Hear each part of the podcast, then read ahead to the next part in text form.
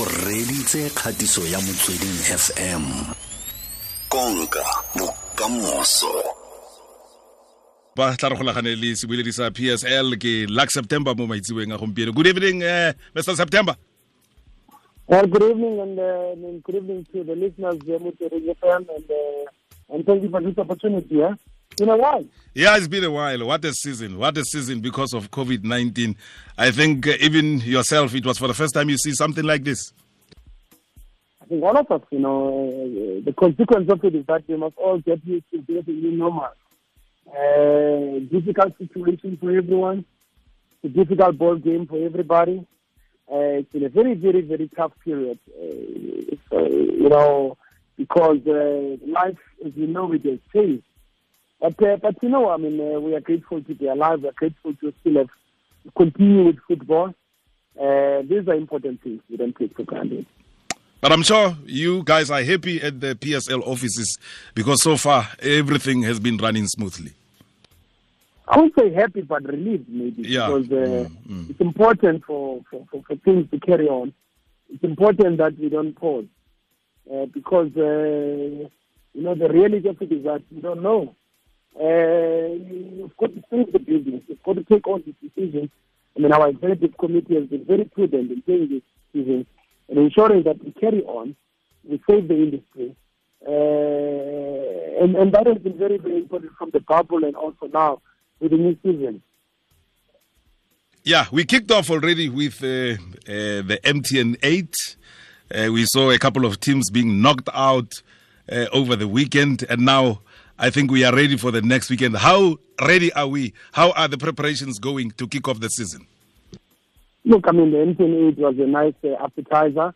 It gave us an idea of what we, had, we are up against. Mean, sorry, up for and up uh, up to. Uh, and now, obviously, the actually Premiership starts uh, on, on, on, on Saturday. And we're quite excited about it. Uh, you know, but also it's also a matter of uh, protocols, uh, observing the protocols, ensuring that we adhere to everything else, and we play by the book. Yeah, definitely. That must happen. Uh, how did you decide? Did you leave everything on the hands of uh, the teams? Because everybody now is back home now. No, I mean, look, uh, even though that's the case, uh, because of uh, where we are in levels, but we still have a lot of strict protocols, uh, health protocols. We still have a lot of match protocols, uh, which also include that the person who's going to be playing on Saturday, everyone must be tested, must be negative. That's what we have to do. Yeah. And how about uh, the new arrivals? We are having uh, the new teams, uh, TS Galaxy. We are also having Tshakhuma Tsha Madzivhandila in Limpopo and uh, Moroka Swallows. I'm sure uh, the excitement must be high for now. Yeah, look, I mean, it's important that we, we, we give the teams time and also expertise for them to settle. Uh, we have them settle, and um, that has been very important. That has been something we've been working on. Uh, but also ensuring that everybody else adheres to the, to the, to the protocols, not as a check, uh, not as a checklist, but also uh, tick the box exercise, but also as a living document that we all have to uh, live by. But uh, you know, it's been very good. Uh, the teams that they've acquitted themselves very well. In the. We're looking forward to the season.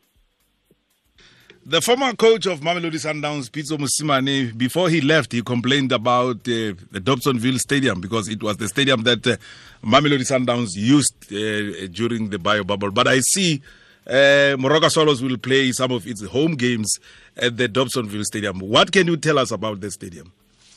No, I mean, come on. I mean, Sundowns won the league at that stadium. Uh, so I don't really want to. I mean, what can I say about what Coach Pitso said? I think he said those things before he went to play there.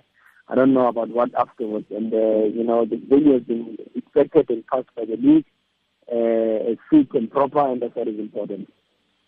Yeah, I'm just I'm just reminding you because uh, uh, if somebody can complain about the pitch uh, in the coming few weeks, we'll remind you uh, that uh, Pitso Mosimane. Yeah, but uh, yeah, yeah. the league has to check those things. I mean, uh, we've got our own inspections.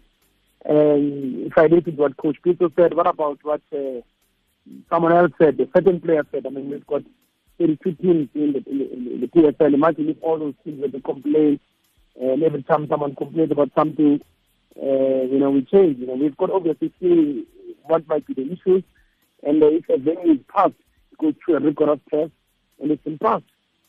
How is the league going to be uh, without Pitso uh, Lux? On a personal note, on a personal level, are you are you personally not going to miss him? Look, there are two things. You know, there will always be football with all of us. You know, there was Mm. football before we arrived. But the second issue is that of course Pitso and the, and the achievement of him. Only Al Ahly, I happen to know a lot about North African football. I've worked a lot with Al Ahly. I know that the, the team is a very big team. Mm. Uh, so when you have them, uh, Al Ahly, um, when you have Al Ahly and, an African, the first black coach to be Al Ahly outside from Egypt, it's a huge achievement. It's, uh, it's something we should never take for granted. It's, uh, it's almost finding a path uh, for other coaches that are out there. And, uh, and, uh, and congratulations to Coach Peter once again. And then kicking off the new season, Lux, are there any new changes that uh, we can expect uh, in the league? I mean, in the bio bubble, we Yeah. have we had uh, five subs, we had uh, uh, the water break and other things. How are we going to, going to continue now? Look, tomorrow we're announcing a lot of those things. It could be whether we're going to have water break, whether we, what are we going to do, and so on. But tomorrow, all those things will be, will be announced. Yeah, I know it's hot now. I'm I'm expecting that maybe the water break will continue, uh, but I'm I'm not sure. I'm not sure if you saw it like I saw it uh, during the bio bubble. At some point, the water break just became irrelevant. It was not a water break. It was a cooling break. That's why we didn't call it a water break. It was a cooling break. It was there for health reasons. That's why you must not look at it from an issue of is it cold or hot. It was a cooling break. Yeah. It was uh, obviously there to observe the health protocols for the time being. Yeah. Uh, on Thursday, we are having uh, the PSL Awards, and uh, we're expecting a lot of people to be happy on the day. I, I saw the money. Or sad. Yeah. Or, Or sad. upset. Or sad. Who's going to be sad? The players or the fans? Uh, both. Both. Uh, unfortunately, it's also virtual because of uh, uh, COVID 19. But how are the preparations going? Very well. As I'm talking to you now, I'm sitting in front of my laptop. I'm trying to work, trying to ensure that we are ready for Thursday. Can't wait for it. And uh, it's going to be an exciting uh, event, the PSL Awards. A big event. And so Yeah. people must watch on Super Sport at, uh, at 8 o'clock. Yeah. Lux, thank you very much uh, for talking to us. Let's get ready for uh, the next season. Good luck to you and to all uh, up there at the PSL offices. It's another uh, season, uh, you know, the people's game without the people at the stadium.